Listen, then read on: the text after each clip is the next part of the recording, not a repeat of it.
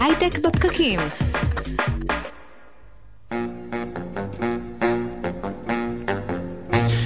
צהריים טובים, יום חמישי, 30 בינואר 2020, רדיו תל אביב 102 FM, אנחנו הייטק בפקקים. אנחנו כאן איתכם מדברים על ההמצאות והפיתוחים שהולכים לשנות את החיים שלנו בזמן הקרוב, על ההייטק הישראלי ואנשים שעושים אותו לכל כך מעניין.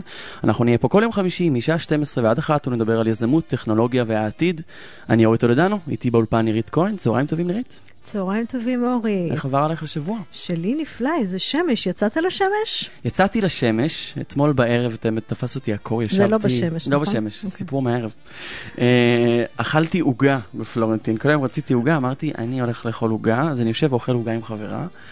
אה, ומסביבי שני שולחנות, אחד מדבר על רשות החדשנות ואיך הם הולכים להגיש את הסטארט-אפ שלהם לרשות החדשנות, ואחד אחר דיבר על ה milestones החשובים, כאילו מין באיזושהי הרגשה שאני מוקף בהייטק, וזה הרגיש לי, לא, הרגיש לי מוגזם קצת. למה מוגזם? כאילו זה...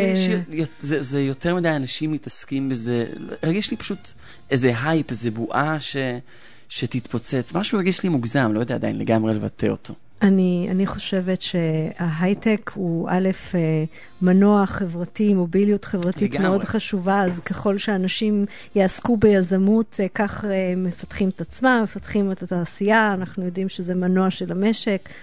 זאת אומרת, כן לא ירבו, מוגזם. להפך, אתה, אני מציעה שאם בכל מקום שאתה יושב יש שני שולחנות מסביבך, אז כן. תתחיל לזוז. לאט לאט תרחיב אם אתה יכול מחוץ לפלורנטין, אם אפשר גם מחוץ לתל אביב, זהו, זה זהו, יעזור זהו, לנו שזה קצת. יצא קצת מחוץ לתל אביב. טוב, אז אנחנו מיד מתחילים לדבר על אה, מה קרה השבוע בהייטק. לפני זה נגיד שעל הביצוע הטכני והפאסון בשידור עמית בגם. אם אתם שומעים הפאסון, אז זה, כנראה עמית בגם. על ההפקה, אה, אלמוג אה, בן יוסף, עורך ראשי הדר חי. אם אתם מאזינים לנו ופתאום רוצים להגיב אה, על משהו שאמרנו בשידור, אז אפשר לעשות את זה. אתם יכולים לעשות את זה דרך עמוד הפייסבוק אה, של כלכליסט אה, ואיצטדיון הסטארט-אפ, אנחנו נעלה לכם תוך כדי שידור. שקד דמבו עושה לנו את שידור הוידאו, כרגע הוא איתנו בחדשות השבוע, מיד אנחנו איתך שקד. Um, היום בתוכנית, עבר ועתיד. אנחנו מתחילים uh, בקפיצה האחרונה, בקפיצה בזמן לראשית ימי ההייטק, מתי שאני עוד לא הייתי בתכנון. Um, רפי נווה, לשעבר מנכ"ל אינטר לישראל, על התקופה של ההייטק לפני שנכנס האינטרנט ולפני שבכלל ידענו מה זו המילה סטארט-אפ, כשהביקוש לטכנולוגיה חדשנית הגיע בעיקר מצרכים שעלו במהלך uh, מלחמת ששת הימים ויום כיפור. ואת עידן פרופסור דוד פסיג, ראש המעבדה למציאות מדובה באוניברסיטת בר אילן, שמנסה תמיד להבין את המניע לחדשנות האנושית, ננסה להבין מה, מהו המניע שגורם לנו להקיף את עצמנו במכשירים להגיד טכנולוגיים ולתת להם תודעה. שמאז שיחת ההכנה עם דוד פסיג, אני קשה לי להירדם, אפרופו מכשירים שיש להם תודעה. אז אז, תדבר אז על כן, אז בקרוב המכשירים, המכשירים שיתחילו לדבר זה עם זה, ואז קצת עולה השאלה מה, ש, מה התפקיד שלנו, אבל לפני זה, חדשות השבוע. שקד אמבו, מה העניינים אורי? מה קרה השבוע בהייטק? טוב, אז uh, בואו נתחיל במי שאנחנו מדברים עליו בחודש האחרון, לדעתי, באמת באמת כל יום, שזה NSO מן הסתם. Uh, עכשיו גילו שהיה שימוש בניסיון פריצה לטלפון של כתב הניו יורק טיימס, קוראים לו בן האברד, כן, וכמו שזה נראה, בדיוק כמו שפרצו לג'ף בזוס אז בתקופה, במה ששידרנו לפני uh, שבועיים. Uh, עכשיו מנסים את זה על, uh, על, על בן, uh, הקונספט הוא אותו על קונספט. פי. לכאורה. הכל בלכאורה, כן. כן. חשוב לציין, הכל בלכאורה, זה דברים שאנחנו קוראים, אבל שום דבר לא מאומת בוודאות. בכל התעשייה הזאת, מן הסתם, לא משאירים כרטיסי ביקור כשהם עושים את, כן. את, את הפריצות האלה, אז אנחנו תמיד משערים ומעריכים, אבל אנחנו לא באמת יודעים. יש איזו הרגשה שאתה מגיע לפה כל שבוע ומדבר על NSO שפרצו למישהו חדש. וואי, ממש ממש ככה. אז אה, אז זהו, התחלנו לחקור קצת מה הסיפור מאחורי אה, זה ש-NSO כל הזמן בכותרות. NSO נתנו דרך אגב התבטאויות מאוד מאוד קשות, בשונה מפעמים ש- שעברו לגבי המקרה הזה. הם טוענים שזה לא הם? הם טוענים שזה לא הם, אבל לא סתם הם טוענים שזה לא הם, הם טוענים שגם מתחילים במרדף אחריהם, הם אומרים, ואני אצטט, לא כל שיחה שלא נהנתה, הודעת אס.אם.אס או שיחת וידאו היא פגסוס. פגסוס זו התוכנה, הנוזקה שבעצם מפותחת על ידי, על ידי NSO. נראה כי בן הווארד שכח או הסתיר במכוון את העובדה כי בשנה שעברה עבדנו באופן צמוד איתו, ניתחנו את טענותיו ושיתפנו את המסקנות המקיפות והחד משמעיות שלנו איתו. אז זה לא חדש, זה לא פריצה מאתמול. זה לא פריצה מאתמול, אבל בעצם אתמול קשרו אותה ל-NSO. שזה וזה ב- נהיה וזה- אופנתי בעצם, בדיוק. ואולי איזשהו דרך לקבל כותרות. מצד אחד כן, מצד שני אנחנו רואים שיש פה גם את המכון מחקר הזה, אז זהו. וגם את האו"ם שלפני כמה ימים קשר בדיוק. את NSO לפריצות. אז יש לנו באמת את המכון מחקר, שדרך אגב גיליתי שהוא מתמחה ב-NSO, שזה הצחיק אותי עצם מוזר. הרעיון. כן. כן. Citizen Lab קוראים להם, והם בעצם הגוף שקבע אה, שהפריצה הזאת הייתה באמת על ידי NSO. ב, ב, לפני שבוע שאנחנו דיברנו על, אה, על, על ג'ף בזוס, אז uh, התחקירים שבעצם הביאו את זה ל-NSO היו תחקירנים של האו"ם, שהם אלה, אלה שבדקו את זה. אז יש לנו באמת גם את Citizen Lab וגם את האו"ם. עכשיו אנחנו רואים שכולם הולכים ל-NSO, למרות שהם טוענים שאין להם שום קשר ל... לדבר הזה. גם הפריצה של ג'ף בזוס וגם של בן האברד, דרך אגב חשוב להגיד, הם היו מאותו סוג. אתה מקבל הודעה מסתורית, אם אתה פותח את הלינק, הלך עליך. שבמקרה הזה זו, זו הודעה מסתורית מותאמת אישית, זה לא סתם שלחו לו זכית במיליון דולר זה ממש במייל. מתורגטת. בן האברד הוא כתב של הניו יורק טיימס, הוא קיבל, אה, הוא באופן כללי אה, מתעסק בעולם הערבי וכותב הרבה על העולם הערבי, והוא מקבל הודעה שנראית כאילו בעצם שולחים לו, שפורסמה כתבה שלו באחד העיתונים הערבים, זה היה ערב ניוז 365, ולינק למקום הזה. דרך איתור של השרתים שעומדים מאחורי הלינק הזה, הם בעצם הבינו שזה כנראה קשור ל-NSO. האמת היא אוקיי. שזה, אני חושבת שזה זה אולי שלב ביניים, ותחשוב, אה, מדברים היום למשל על ל- מותר או אסור למכור אה, אה, אקדחים באופן חופשי, נכון? בארצות הברית כל השיחה על השימוש זה באקדחים. ממש זה. אתה לא מדבר על החברה שמייצרת את האקדחים, על האם זה בסדר שהיא מייצרת אקדחים, כי זה ברור לך שכלי נשק צריך כאילו בשביל אבל אתה כן סיבות לגיטימיות people. וסיבות... ממש חשוב לי לחדד אותך, אתה כן מגביל בסיפור של האקדחים, אמנם לא את הייצור, אבל אתה מגביל את המכירה. וזה בדיוק מה שלא קורה בסייבר התקפי.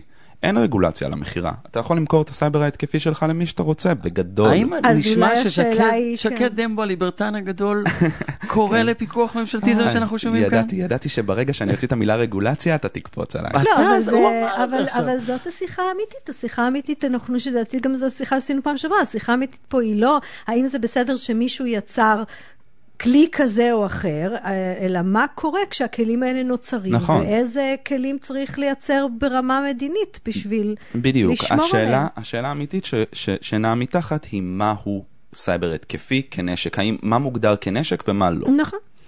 עוד מה קרה השבוע. עוד מה קרה השבוע, יש לנו את המידע שדלף מאפליקציית PayBox, בטח רובנו כבר הנה שמעו על עוד זה. חדשות סוג של הסייבר. משהו התקפי כן, כן. כזה או אחר. חבר'ה, סייבר מככב בשנים אני האחרונות. קיבלתי מייל כזה, אתם גם קיבלתם? אני קיבלתי מייל ולא היה כזה. כתוב בו כלום, כמו מישהו, משהו קרה על השרת שלנו, לא, מידע דלף. אבל לא, אמרו ולא גם- אמרו לך, אתה כן או לא בפנים, הנה הדברים שיצאו, הנה לא, לא הם היה שלחו, כתוב. לא, הם שלחו את הכל, את האמת. אני לא יודע על איזה מייל את מדברת, אבל אני ההודעות שאני ראיתי, כן. לי ממש. ממש שיתפו. אז אולי פרצו את הדאטה שלך. פייבוקס הדגישה ללקוחות כי פרטי המידע שדלפו לא מכילים מידע מסוכן, הם כן. לא מכילים מידע שבאמת אתה יכול להוציא ממנו כרטיסי אשראי. ממה שאני זוכר זה היה ארבע ספרות אחרונות של כרטיס אשראי, ללא CVV וללא שאר הכרטיס, ככה שזה לא באמת מספיק כדי להוציא כסף. אה, כינויים, שמות של קבוצות, דברים שהם פחות רלוונטיים לסקיוריטי, מן הסתם שזה כן משהו שאתה צריך לשים עליו דגש, אתה צריך לקחת את זה ב... ב- ב- בחומרה הדרושה, אבל מה אין נזק מה אנחנו לוקחים כספי. מהסיפור הזה שקד? מה אנחנו לוקחים מהסיפור הזה? רגולציה על פינטק? אמ, רגולציה על פינטק זה לא ילך. אני חושב שמה שאנחנו יכולים לקחת מהסיפור הזה זה זה ש... תשמעו, אה, פריצות סייבר ו- ובעיות אבטחה יהיו וימשיכו להיות כי הקדמה חייבת להימשך. אנחנו ממשיכים, עכשיו בנקים הולכים לעבור ל cloud, והממשלה שלנו, זה לאן שהעולם שלנו הולך. ש- שפריצות סייבר יהיו חלק ממנו, אתה אומר. בדיוק, כשפריצות סייבר יהיו חלק ממנו, אנחנו תמיד ננסה למנוע אותם, אבל אנחנו לא יכולים להעלים אותם. אנחנו צריכים להתחיל סוג של להתרגל, לנסות להגן על המידע שלנו כמה שיותר, אבל אין לנו כל כך לאן לברוח בסיפור הזה. אני מאוד מאוד גאה בפייבוקס, ואני חושב שמגיע להם שאפו ענק על זה שהם באמת שלחו את ההודעה הזאת, לא כמו כל שאר החברות. חבר'ה, שפייסבוק נפרצה ולקחו 50 מיליון, אה, מידע של 50 מיליון משתמשים, אני לא זוכר שום הודעה מפייסבוק. חוץ מזה שהם אמרו שהם מצטערים אחרי שהעמידו אותם לדין, אבל אני לא זוכר שום מידע מהם.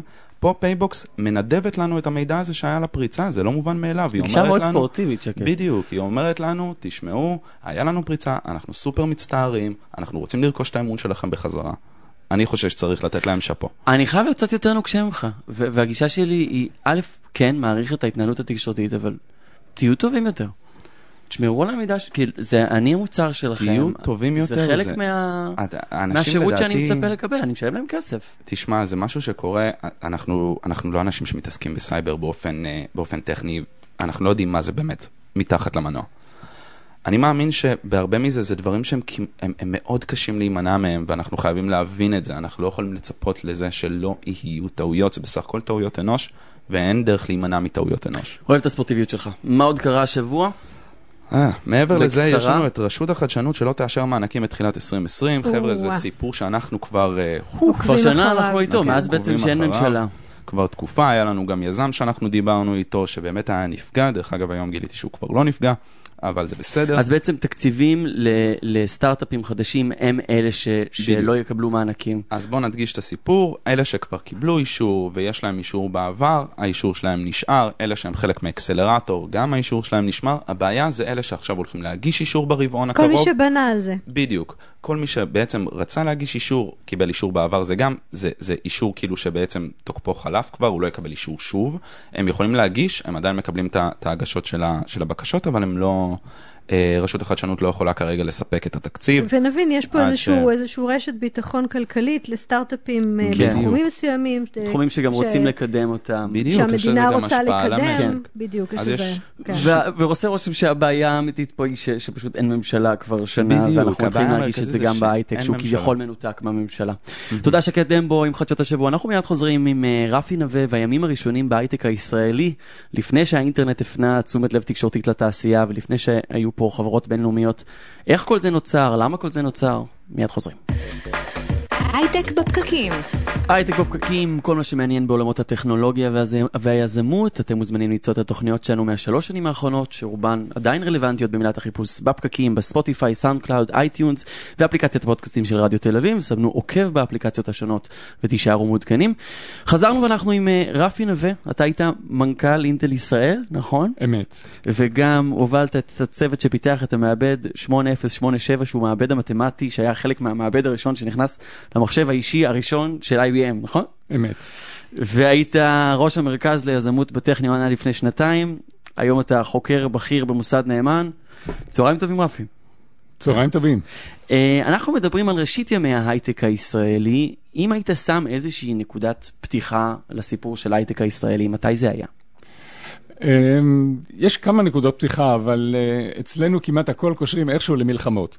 אז... אה, מה לעשות? כן. ניקח אתכם חזרה 63 שנה, אז ב-1956, כידוע לכם, היה מבצע סיני. כן. במבצע סיני אה, אנחנו שיתפנו פעולה עם האנגלים ועם הצרפתים, מכיוון ששלושה חודשים קודם נאצר סגר את אה, תעלת סואץ, והם רצו לפתוח אותה למעבר, בעיקר מהאוקיינוס ההודי לים התיכון וכן הלאה. ו... אז הם בעצם נתנו לנו את הכלים שהיינו צריכים. אל- גם, אבל לא, אבל בעיקר היה לנו שיתוף פעולה אה, צבאי איתם, שהם אה, השתתפו בחלק מהקרבות.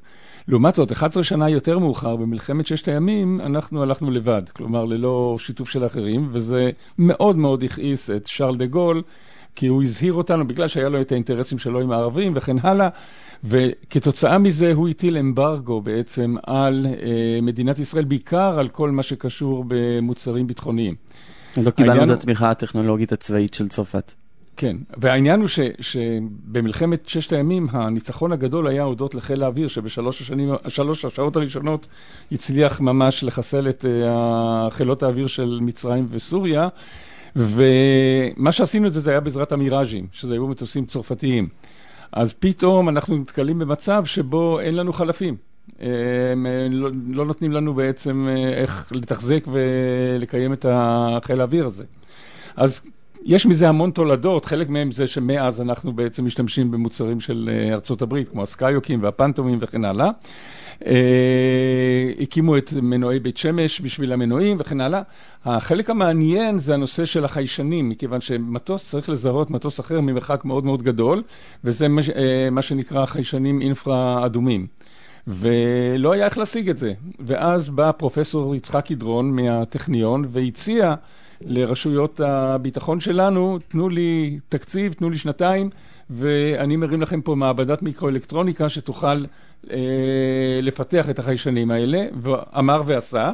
כן. ומאז, בעצם זה יצא בערך משנת 1971, היה בטכניון גם מעבדה למיקרואלקטרוניקה, וגם בעצם התחילו ללמד את הקורס הזה. כלומר, סטודנטים. אה, לא רק סטודנטים, אבל, אבל אני אומר, עצם הזה שבעצם באקדמיה אה, התחילו להתעסק עם משהו שאף אחד לא הכיר אותו קודם, וזה כן. מה שנקרא המוליכים למחצה.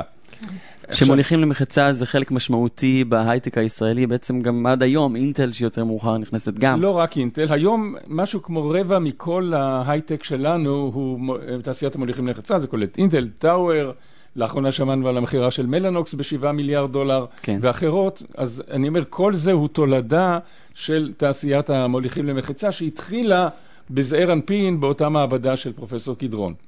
ומאותה מעבדה של מוליכים למחצה, מה, מה השלב הבא בהתפתחות של ההייטק הישראלי? אוקיי, אז אה, מה שקרה זה שחברה שוודאי שמעתם עליה, אינטל, נוסדה ב-1968, ממש אחרי מלחמת אה, ששת הימים, בארצות הברית כמובן, ואחרי חמש שנים, בערך ב-73, הם נתקלו במצב שאנחנו מכירים אותו היום הרבה, שזה בסיליקון ואלי, אה, היה קשה למצוא מהנדסים טובים. לשמחתנו היה שם דוקטור דוב פרומן, שהיה הממציא של האי-פרום והיה אחד מהמובילים בתוך הצוות, והוא שכנע את המנהלים שם לבחון לב- לפתוח מרכז בישראל. ואחד הנימוקים המכריעים שלו היה העובדה שהייתה המעבדה של המיקרואלקטרוניקה והיו קורסים שלימדו בטכניון, כלומר היו בוגרים שהבינו בחומר הזה. ואז למעשה, אה, אני אספר את זה מחוויה אישית שלי, אני הייתי סטודנט אז במעבדה של קדרון, ובקיץ 73 אנחנו רואים מודעה, אינטל באה באה לחיפה, או אינטל באה לישראל, משהו כזה, 73 לפני המלחמה או אחרי המלחמה? לפני. כן. אוקיי? ובואו, בעשרה באוקטובר יהיו רעיונות, אה, תציגו את מועמדותכם, משהו מהצורה הזאת. אז כמו שאתם יודעים, בשישה באוקטובר פרצה מלחמת יום כיפור, אז אף אחד לא היה לו זמן לחשוב לא על זה ולא על שום דבר אחר. היינו מגויסים חמישה חודשים בערך רובנו, גם הסמסטר בכלל בוטל בטכניון, לא היה לימודים. חזרנו במרץ, וחשבנו, הם בטח התייאשו, מה, אנשים כל פעם פה במלחמות וכן הלאה, והתברר שלא.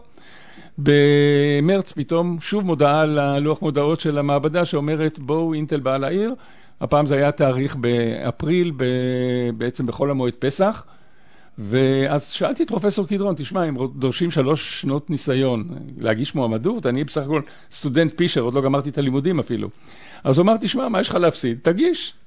אז באתי לאותו ראיון, ומי שראיינו אותי שם היה אנדי גרוב האגדי, אה, לזלי ודז, שהיה מוביל אה, הפיתוח של כל הקורפורט, ודוב פרומן.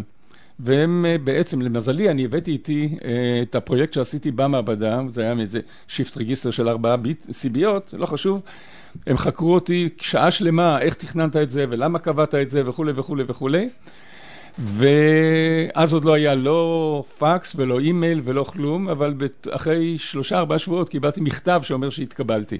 ולמה למה בחרת ללכת? הרי זה היה, מה זה החיה הזאת? איזה מין חברה זאת? אם תצא, אם, אם, אם אתה תצא מלעבוד שם, לאן תלך? זו הייתה אמת. שיחה משונה קצת. אמת, אנחנו לא- החברים לא שלי, תופסים את זה היום, החברים אבל... שלי היה- אמרו, מה, מה קורה אם אתה מפטרים אותך משם, או שאתה מתפטר משם, אין לך לא- לאן ללכת. זה לא נחשב בקורות חיים. זה היה יצור חריג בתוך הנוף הישראלי, כולם היו בתעשייה הביטחונית או בתעשיית התקשורת. אה, אבל קודם כל, אה, הנושא קסם לי מההתחלה, אה, בעיקר בגלל ההשפעה של פרופסור קדרון ושל הצוות שלו. ואמרתי, ניתן לזה את הצ'אנס, ולא הסתכלתי אחורה מאז, כלומר, זה היה באמת אחת ההחלטות הטובות שקיבלתי. נקודה מעניינת, הם אמרו, אנחנו מתחילים לעבוד בראשון ביולי. טוב, אני מגיע בראשון ליולי, מתברר זה היה אגב בחוף שמן באזור נידח שמלא שם מסגריות ומוסכים, ושממה, אין שם אף אחד, אוקיי? אחרי שעתיים ומשהו מגיע תום אינס, שהיה המנהל הראשון שנשלח אלינו מקליפורניה, והוא מתחיל לצחוק, אז הוא שואל אותי, מה, מה אתה עושה פה? אז אני אמרתי לו, אמרו לי להתייצב, אז התייצבתי. אה, לא אמרו לך שזה מתחיל ב-12. אז מסתבר שאני העובד הראשון של אינטל ישראל כתוצאה מזה, כי אני הגעתי ארבע שעות לפני כולם אה, לעבודה באותו יום. אגב, באותו יום עוד היה לי בערב בחינה, כי זה, כל הלימודים בגלל המלחמה נדחו בעוד שלושה חודשים. אז רפי, איך מה... באמת, אה, מהמצב הזה שבו אינטל אה, הייתה אה, יצור לא ברור בנוף של התעשייה שהייתה רובה ביטחונית, איך, איך עכשיו מפה אנחנו מתחילים לקדם את ההייטק הישראלי? אז קרו שני דברים. א', אנחנו באמת במשך שלוש-ארבע שנים עשינו מוצרים של ליגה ג', כלומר מוצרים לא מי יודע מה מתוחכמים וכן הלאה. ואז הייתה הזדמנות שהוזכרה כאן בתחילת השיחה של ה-80-87. מה שקרה זה שבא אליי המנכ"ל... המעבד כן. המתמטי, כן. בא אליי אה, אלי פורט ואומר, תשמע, יש להם שם מוצר, אף אחד לא רוצה לגעת בו, הוא כל כך מסובך, כל כך... אה, שהם כישלון כמעט בטוח. סע לשם, תראה מה קורה. הייתי שבועיים בקליפורניה, דיברתי עם כל מי שרק אפשר, ואז אמרתי לו, תשמע, זה באמת אה, אתגר אדיר. אבל לנו אין מה להפסיד, כי יודעים שזה לא יעבוד. אז uh, בוא ניקח. והתחלנו עבודה, עבדנו במשך שנתיים, 1978-1979, והמוצר יצא ועבד מכה ראשונה, וזה היה תדהמה לכולם. וזה בעצם שם אותנו על המפה. אחרי שזה עבד, בעצם אמרו, אין דבר שהישראלים לא יכולים לעשות. ואז זה לא נשאר כבר באינטל, נכון? לאט לאט התחילו עוד חברות כן, לגלות את הטאלנט. כן, מה שקרה במקביל לזה, כן. ב-78' national semiconductor, שהיא מתחרה של אינטל, יותר קטנה קצת, אבל עדיין פתחה מרכז בהרצליה, ושלושה מהמהנדסים המובלים שלנו עברו לעבוד בהרצליה. יפה, headhunting קלאסי. ושנתיים שלוש אחרי זה גם מוטורולה פתחה את מוטורולה semiconductor, והיא גנבה דווקא עובדים מ-national semiconductor. וכמה שנים יותר מאוחר גם דיגיטל פתחה מרכז בירושלים. IBM גם נכנסה, נכון? IBM לא עוסקה בפיתוח. כן, IBM יש לה מרכז מחקר, זה משהו קצת שונה. בכל אופן... אז בעצם הגל הראשון היה מה שהיום אנחנו קוראים מולטינשיונלס, שהגיעו לפה, אמת, התחילו בדיוק. לפתור פה מרכזי מחקר. בדיוק. אז זה, וככה לקחו אחד מהשני, ואני מניחה שטכניון התחיל לייצר יותר ויותר. הגענו לתחילת שנות ה-80, והגענו בעצם לגל השני, אני חושבת, נכון? שפתאום עזבו אנשים אפילו את החברות האלה, והתחילו כן, לפתוח חברות. כן, והתחילו, למשל, דוגמה, אביגדור וילנס שהקים את גלילאו, וגם אליו הצטרפו כמה חבר'ה שלנו מאינטל, ועוד כמה חברות כאלה. זאת אומרת, בעצם התחילה פה תעשיית הייטק אה, כחול לבן, אם נקרא לזה כך, אה, כי כבר היו הרבה יותר בוגרים. כלומר, אה, אני, רק לתת את הפרופורציה, אנחנו התחלנו עם ארבעה מהנדסים ב-74, כשאני קיבלתי את הניהול ב-1980, היו לנו 100, וכשמסרתי אותו, חמש שנים יותר מאוחר כבר היו לנו 200. אני מדבר עכשיו רק על מהנדסי פיתוח באינטל ישראל. כן. אוקיי, במקביל, גם בנשיונל היה מספר דומה וגם במוטורולה, אז זאת אומרת, כבר היה מדובר על עשרות רבות, או אפשר להגיד אפילו מאות של מהנדסים, וכבר התחיל שוק עבודה גם של זה, וגם אה, התחלנו להוציא תוצרים בכל ה...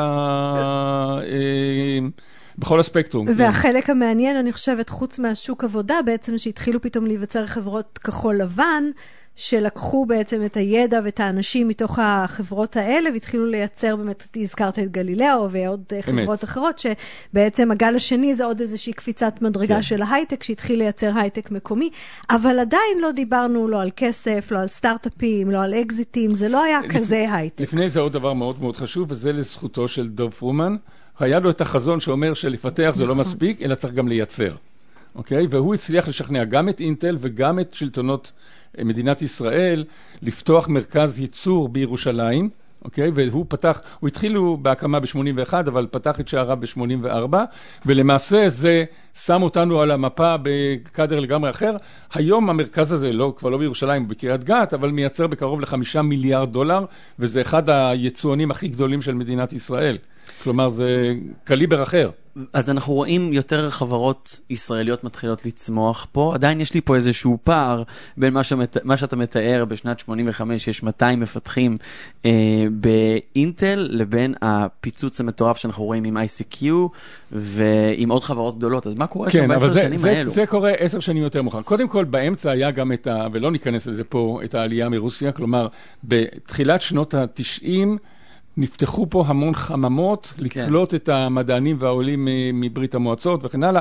אגב, חלק גדול לאו דווקא בתחום של אה, האלקטרוניקה, למשל מדינול, חברה של הסטנטים, היא נולדה באותו הגל הזה וכן הלאה.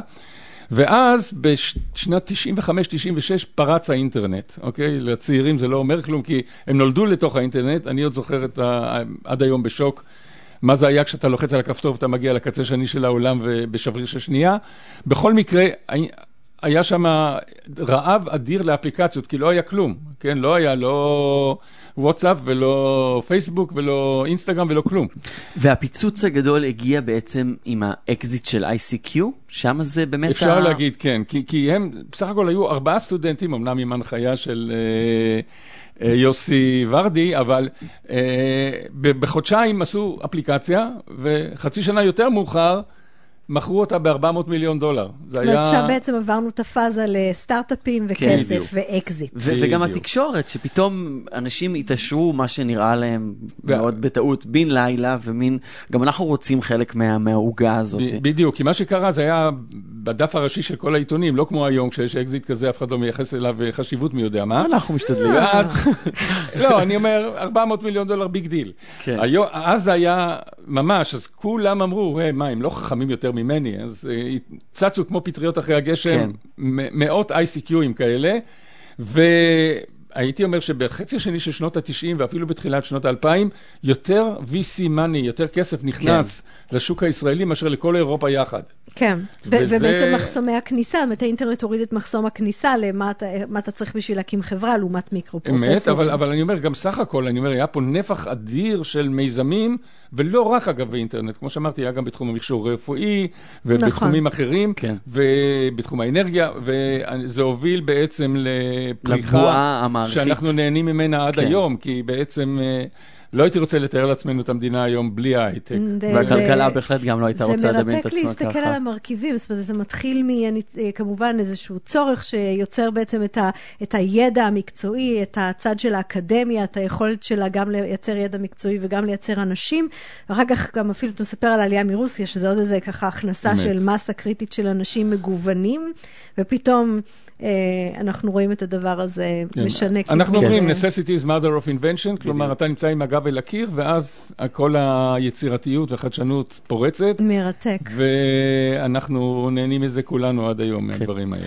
אז על התחלות בהייטק הישראלי, ראשית ימי ההייטק, רפי נווה, חוקר בכיר במכון נאמן, תודה רבה. תודה רבה. הפסקה קצרה ואנחנו חוזרים עם פרופסור דוד פסיג, שדרך המניעים האנושיים מנסה לחזות את עתיד הטכנולוגיה. נדבר על הנטייה האנושית שלנו להקיף את עצמנו במכשירים ולתת להם תודעה. מיד חוזרים. הייטק בפקקים. הייטק בפקקים חזרנו ואנחנו עם פרופסור דוד פסיג, ראש המעבדה למציאות מדומה באוניברסיטת בר אילן. צהריים טובים דוד. שלום רב. אהלן, אני רוצה לספר סיפור. בבקשה, תמיד נשמע על אני. פגשתי את אה, פרופסור פסיג ב-2010. העתיד היה 2020. ואני באתי אליו כי רציתי לדעת מה יהיה ב- בעולם העבודה ב-2020, איך ירגיש עובד, כדי שאני אוכל להכין את הארגון לשם. אני באתי אליו, זה באותו זמן שעבד באינטל. נכון, כן. נכון, הייתי סמנכ"ל אנוש של אינטל ישראל, ובאתי אה, אה, אליו למשרד, ואמרתי לו, טוב, אז איך אני, היה ברור שצריך דרך אחרת להגיע לתמונת עתיד, כדי שנוכל להתכונן אליה. ואז הוא שאל אותי, איזה עתיד? ואני אמרתי לו, מה זאת אומרת, איזה עתיד? זה, זה של 2020, איזה עתיד? עתיד אפשרי, עתיד רצוי, עתיד קיצוני, עתיד... בקיצור, נתן לי ערימה של ספרים, חשב שאני אלך ולא אחזור. אה, חזרת, והנה אנחנו חזרת. כאן, כן, חזרתי, חזרתי, אנחנו עשינו את אותה תמונת עתיד. זה, נכון. זה חוויה מעניינת, כי הגענו לעתיד ההוא, אבל אה, שלום וברכה, פרופסור. נירית. טוב, איך עושים את העתיד? יש לך כדור? בדולח. אה, מנערים אותך ואתה אומר מה יקרה.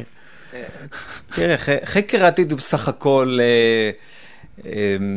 חקר מערכות. אנחנו מחפשים את ההיגיון איך מערכות מתפתחות. הרבה אנשים חושבים שהכל מתפתח כזה אקראי, אבל האמת היא ש-99% מהדברים שמתפתחים הם לא אקראיים. יש כוחות שפועלים עלינו, יש אילוצים, יש DNA ויש גנים ויש אה, תהליכים גיאופוליטיים, והם בעצם הכוחות שמניעים את העתיד להתפתח. ברגע שאתה מבין את ההיגיון של מערכת, אתה פשוט מטיל אותה קדימה. וזה נקרא חקר העתיד. אבל יותר חשוב, חקר העתיד, המטרה שלו זה לא לדעת את העתיד. אה, קצת ענווה. אז? אוקיי? אה, כל המטרה של חקר העתיד זה להבין קצת יותר טוב את ההווה. אה, או במילים יותר פשוטות, לימדו ההיסטוריון אותנו, של העתיד. כן, לימדו אותנו שכדי להבין את ההווה אנחנו צריכים ללכת ללמוד את העבר. אנחנו נכון. באים ואומרים זה לא מספיק. כדי להבין את ההווה או לראות אותו, אתה צריך להסתכל עליו גם מהעתיד. אז כל המטרה היא לנסות להבין קצת יותר טוב את מה שמתרחש היום, שזה בדרך כלל אחד הדברים הכי קשים ליצור התבוני הזה שנקרא אדם. הוא עובר הרבה התרחשויות, הרבה אירועים, טראמפ עושה דברים, זה עושה פה דברים, ולוקח לנו הרבה שנים שאנחנו בכלל יודעים מה קרה, לא כל שכן גם להבין מה קרה. אז אנחנו מנסים להבין תוך כדי תנועה. זאת אומרת, מה, מה, מה שקורה היום מה המשמעות שלו. ייצר נכון מאוד. קדימה. נכון. אוקיי, האמת, יש הרבה אנשים שהיו מתים לדעת, אז איפה כל הטכנולוגיות שמשתנות היום ייצרו לנו עולם ובמה להשקיע אפשר? זו השאלה איך אתה עושה את זה.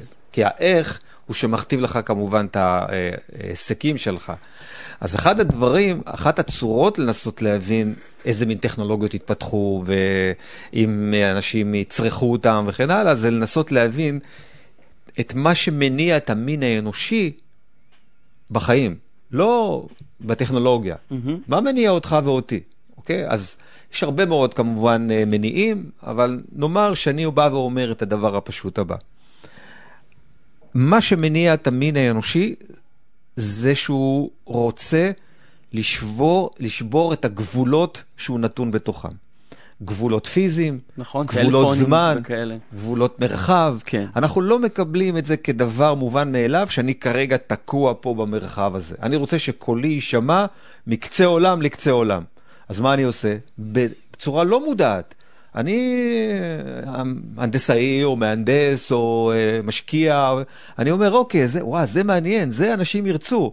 ואז שם אני שם את הכסף, שם אני עושה את המאמץ האינטלקטואלי, ובסופו של דבר זה יתפתח. ומה שמצאנו יותר מעניין בהיסטוריה של, אה, של טכנולוגיה, שבדרך כלל כשמשהו מאוד מעניין ומאוד חשוב מתפתח, זה לא מתפתח במקום אחד. באותו זמן מתפתח במקומות רבים. זאת אומרת, זה כאילו שיש איזושהי תודעה גדולה של היצור האנושי, והיא פורצת במקומות שונים, כך שזה לא אתה עשית את זה. אוקיי? Okay? זה לא האתה הספציפי הזה. אני רק רוצה להיות עוצמתי יותר ויותר בעל השפעה. אז נגיד, איפה הדברים האלה באים לידי ביטוי, לדוגמה בטכנולוגיות של האינטרנט של הדברים, של ה-IoT? איזה מניע אנושי גורם לאנשים לפתח את זה שהמקרר שלהם ידאג אה, שתמיד יהיה שם אספקה של חלב וייצור קשר עם החברה שתספק את זה? נעשה את זה פשוט, אוקיי? אה, מה שהמין האנושי עשה לאורך אלפי שנים, שהוא, זה שהוא יצר אה, כלים בעזרתם, הוא יכל היה לתקשר עם הרבה מאוד אנשים אחרים. אוקיי? תחשוב על הכתב, תחשוב על אחר כך במאה האחרונה, על מחשבים, אה, ועל תקשורת, ועל רדיו, ועל... זה, אנחנו פיתחנו כלים כדי שאנחנו נוכל לבוא במגע עם הרבה יותר אנשים מאשר פעם. פעם בן אדם היה חי 18, 20, 25 שנה, היה אולי במשך כל חייו פוגש אולי 100 איש. היום אנשים, אנשים פוגשים ומדברים ומשוחחים ויוצרים קשרים עם אלפי אנשים. עושים פולו באינסטגרם. נכון, ו... עם אלפי כן. אנשים. והגענו להישגים יפים. כרגע, אחד הדברים שעדיין לא נגענו בו זה החפצים שסביבנו. כי אני, גם, אני גם מתקשר כרגע עם החפץ, אני יושב על החפץ הזה. Mm-hmm. אני רוצה תקשורת יותר טובה עם החפץ שאני יושב עליו והוא סובב אותי. מהי תקשורת יותר טובה עם הכיסא הזה, לדוגמה? למשל, אה, הוא לוקח את הנתונים שלי, אוקיי, נגיד אה, חום הגוף שלי ולחות הגוף שלי, ופתאום הוא אומר לי, תשמע, יש לך חום, תלך להיבדק, יש איזה וירוס כזה שמסתובב כרגע בעולם. זה תקשורת. עכשיו, יכול להיות שאני לא מודע להרבה דברים שלי. אוקיי, בדרך כלל, זה לא שלא יכול להיות, בדרך כלל אני לא מודע מי אני, או אני לא, אני, אני כרגע לא רואה את עצמי כמו שאתה רואה אותי. נכון. עכשיו, אני רוצה שהחפץ שלי ייתן לי פידבק לדברים שאני לא מודע אליהם. וככה אני מעצים כמובן גם את, את, ה, את החוויה האנושית שבי. וזה רק עניין של זמן שמישהו יעשה את זה, זה לא איזה משהו, רעיון מטורף של מישהו. אנחנו בחקר העתיד מנסים לזהות את הכוחות שמניעים אותנו, ומנסים לראות האם הכוחות הללו נותנים מענה לאוכלוסיות רבות יותר, ואז אנחנו אומרים, אה, הטכנולוגיה הזו, יש לה יותר סיכוי שהיא תצליח, יש לה יותר סיכוי שרבים יקנו אותה וכן הלאה, וככה אנחנו לא רק עושים איזה טכנולוגיה תתפתח, אלא איזה טכנולוגיה כמובן גם תצליח. אז כרגע אנחנו מנהלים את השיחה הזאת, אנחנו למעשה מודעים לחלק מאוד מאוד קטן מה... אחוז של הנתונים שמגיעים לכיווננו, יש לנו המון דברים שאנחנו לא מודעים אליהם, אנחנו רוצים לבנות מערכת חפצים שתתמוך באמת במארג הזה של הדברים שאנחנו לא מודעים אליהם. ותשפר כן. את החוויה שלנו כיצורים אנושיים בתוך סביבה שלנו. עכשיו, מה זה לשפר? לשפר זה אומר ש... אה, שיטה, שהחפצים שלי יעשו בשבילי דברים, זה לא שאני אעשה רק בשבילם. כן. יש פה איזו אינטראקציה, יש פה איזה, אני, אני קורא לזה איזושהי ציוויליזציה שהולכת ומתפתחת ברמה הרבה יותר גבוהה. ציוויליזציה של שלנו המכשירים? עם המכשירים. כן. והציוויליזציה של מכשירים עצמם. אוקיי. כי אז- אני, רגע, אני רוצה לוודא שאני מבינה. זאת אומרת, אתה אומר, קודם כל לקחנו נגיד לצורך העניין, אתה אומר, כל הנייד, המובייל, הוא בעצם, כן. הוא לא הפתעה באמת, זו דרך שלנו לקחת איתנו כלים שמאפשרים לנו להרחיב את היכולת שלנו לשדר. גם אגב, הפרטנו למשל את המוח, את הזיכרון לתוך המכשירים נכון. האלה. עכשיו אתה אומר, כמו שעשינו את זה, השלב הבא זה להפריט עוד דברים שאנחנו או יכולים או צריכים לתוך מרחבים נוספים שאנחנו מסתובבים נכון, בהם, כמו שהם לא למשל. רק, כמו למשל הכיסא שאנחנו יושבים בתוכו. כן, למשל, אה, האצלת סמכויות שכזו. כן. כן, לא רק מלא האצלת עוזרים, סמכויות, אנחנו הולכים... גמדים קטנים. יותר מזה, אנחנו רוצים בעזרת המכשירים שלנו והכלים שלנו, אנחנו רוצים להעצים את עצמנו. זאת אומרת, למה שאני רק אראה אה, 6-6? אני רוצה ראייה יותר טובה. למה? כי היום כדי לשרוד כיצור תבוני, אני צריך לדעת אם יש לך כרגע חום ויש לך וירוס או אין לך חום. העיניים שלי לא מסוגלות לראות את זה, למה שאני לא אשפר את זה? אז אני אכין טכנולוגיה שתוך כדי שאני משוחח עם אנשים, אני רואה איזה חולה, אני לא נוגע בו. עכשיו, זה נראה כאילו מטורף, אבל זו אפליקציה שהיא מונעת מצורך אמיתי שלנו לשרוד ושלנו להמשיך להתפתח. עכשיו, זה רמה דוגמה של אה, משהו סתם... אה, אה, ברוח וירוס הקורונה. ברוח הווירוס, כן. אבל, אבל יש הרבה מאוד דברים. תחשבו למשל... כן, אנחנו למשל היינו בכנס השבוע, נכון? אני פוגשת מישהו שאני לא מזהה, לא נעים לי, אז הנה, אתה אומר אפליקציה, תגיד לי, הנה השם שלו, הוא חבר שלך בפייסבוק, תגידי לו שלום, כאילו את מכירה אותו. נכון מאוד. עכשיו, יותר מזה, אנחנו הרי, אנחנו רוצים גם לשרוד וגם להמשיך להתפתח. אז למשל, אפליקציה שאתה יושב מול בן אדם והיא ישר אומרת לך אם הבן אדם הזה עשה פ- אה, פעולות אה, קרימינליות והוא אנס והוא זה, למה שאישה לא תדע את זה תוך כדי שהיא יושבת עם אה, מישהו? וואה, ועכשיו זה מתחיל לעלות לי הרבה מאוד תחושות של, אה, אתה יודע, אה, חדירה לפרטיות. עכשיו אנחנו נכנסים... עכשיו, איך אתה, מי אתה שתקבע אם הדבר הזה זה, זה קרימינלי אה, אבל, או אבל לא? זה משני, בשיח שלנו כרגע זה משני, כי המין האנושי והציוויליזציה האנושית צריכה גם כמובן לפתח מנגנונים ששומרת עלינו במידה מסוימת ומאפשרת לנו במידה רבה. עכשיו זה, זה כבר יותר משני. אני מדבר כרגע קודם כל על הפיתוח של הטכנולוגיה okay. אוקיי. ושל, הת- ושל, ה- ושל הסנסורים ושל, אה, ושל הקונספטים והשקעות, זה, זה יותר מעניין. אחר כך תמיד אנחנו נעשה דברים ו- ואנחנו נרחיב יותר מדי את הגבולות ונרצה לצמצם. אה, זה כבר, זה כבר פרטים של תהליכים שהם מתפתחים.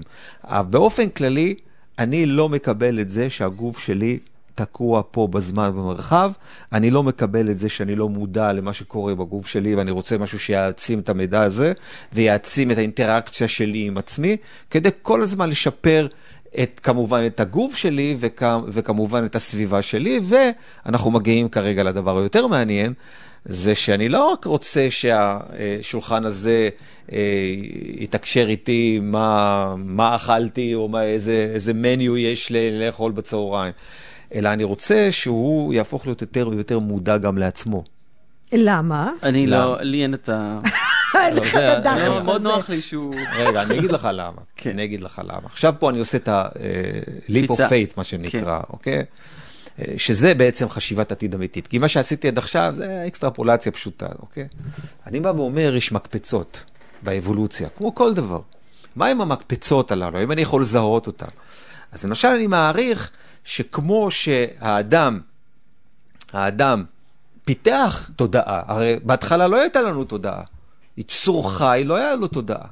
התודעה שאתה ואני היום, יש לנו אותה, זו לא אותה, אותה תודעה של המין האנושי לפני מאלף שנה, ולא לפני חמשת אלפים שנה, ולפני, ולא לפני מיליון שנה. וגם אגב אנחנו יכולים לזכור, את אפרופו השיחה שהייתה לנו עם רפי נווה, גם התודעה שיש לנו היום עם האינטרנט, זה לא אותה תודעה שיש לנו לפני האינטרנט, ודאי. אפילו את זה אנחנו זוכרים. ודאי. זאת אומרת, יש פה איזושהי התפתחות של התודעה. התודעה הזו לא רוצה להישאר רק בתוך הראש הזה, היא רוצה להרחיב את עצמה. אבל איך זה, בוא נגיד, השולחן הזה שפתאום מקבל... תודעה. אם אני שם על זה איזשהו road map, על איך באמת ההתפתחות המכשירית תיראה, אז הם מדברים, המכשירים מדברים בינם לבין עצמם? זה, זה משהו ש... זה שקורה? הדבר הראשון, כן. אוקיי? מה אחר כך? אני הזכרתי, אנחנו פתחנו חברה כרגע שנקראת Things, שאנחנו עושים מה שאנחנו קוראים social IoT. אני, אנחנו בונים פלטפורמות שחפצים שלנו יתקשרו אחד עם השני. שהשולחן יעשה לייק לכיסא על זה ב- התמונה כן, ברמה האחרונה של. הצחוקים, כן. אבל ברמה היותר מעניינת זה שלמשל הרכב האוטונומי שלי, אוקיי, תהיה לו זהות, ותהיה לו גם רמה של uh, trust. זאת אומרת, אני אשלח את הרכב שלי שיוציא את הילדה שלי מהגן, אני רוצה להיות בטוח שהוא שהרכב ייקח את הילדה הזה- שלי, כן. והילדה שלי תיקח את הרכב שלי. שהיא שהיא תקשר תגיע גם- הביתה, כן. ואם בדרך יש לו פאנצ'ר, והוא מעביר את, ה, את הפעולה לרכב אחר, יש רמה של trust. הרמה של trust הזה, זה בדיוק מה שמתחיל לעשות את האינטראקציות החברתיות, ובסופו של דבר הציוויליזציה יוצרת תודעה גלובלית. זה אז זה בעצם מדהים. המניע שלנו, זה, זה מה- ה-reward שאנחנו מקבלים על לתת תודעה על השולחן הזה. נכון. אוקיי, יהיה עתיד מעניין. אה, אנחנו מגיעים אה. לסוף התוכנית שלנו של הייטק בפקקים. תודה לכל מי שהיה איתי באולפן, נירית כהן, פרופסור דוד פסיג, אה, תודה רבה.